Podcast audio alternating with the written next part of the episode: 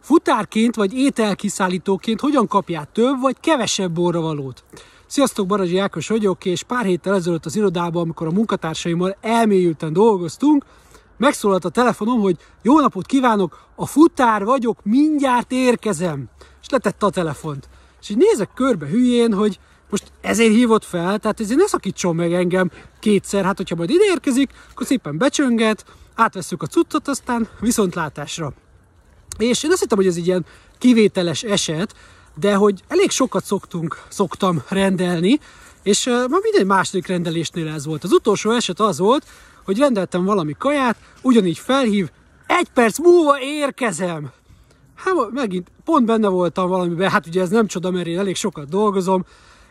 Mindegy, kimentem, és meg, megnéztem, hogy mi fog történni, hogyha én ott várom. Hát ugyanúgy szöszmötöl tovább a kocsi körül, a hidegbe ott várom, ott pénzzel, és akkor utána intéztük el a dolgot.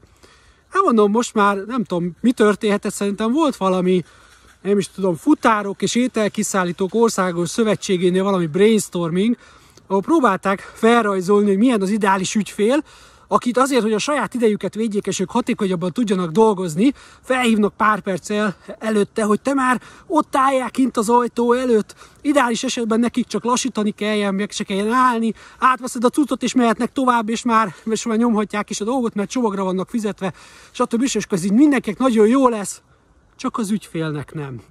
Értem én, hogy valakinek nagyon sok ideje van, és azt mondja, azt fogja mondani erre, hogy jaj, Barazsikám, te már nem is tudod, hogy mivel kössél bele, hát örülj neki, hogy előre felhívnak, és figyelmeztetnek. Nem örülök neki.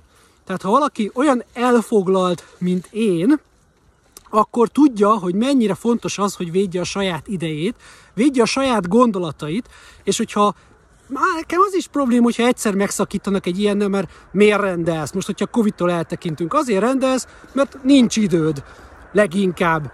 És szeretnéd ezt minél egyszerűbben, minél gyorsabban, minél fájdalommentesebben letudni.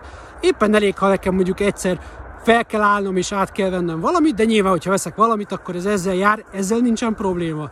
De az, hogy ezért dupla annyiszor, kétszer megszakítsanak a gondolatomba, ez már nem jó és addig, ameddig én vagyok a vevő, és én fizetem őket, akkor eldönthetem, hogy hogyan támogatom ezt a dolgot.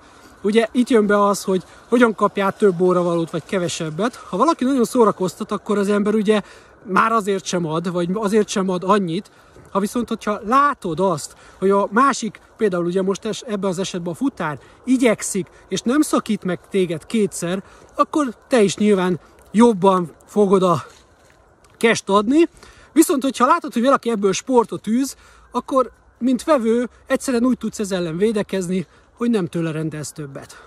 Ne felejtsük el, a bevétel erősíti a szabályt. Sziasztok!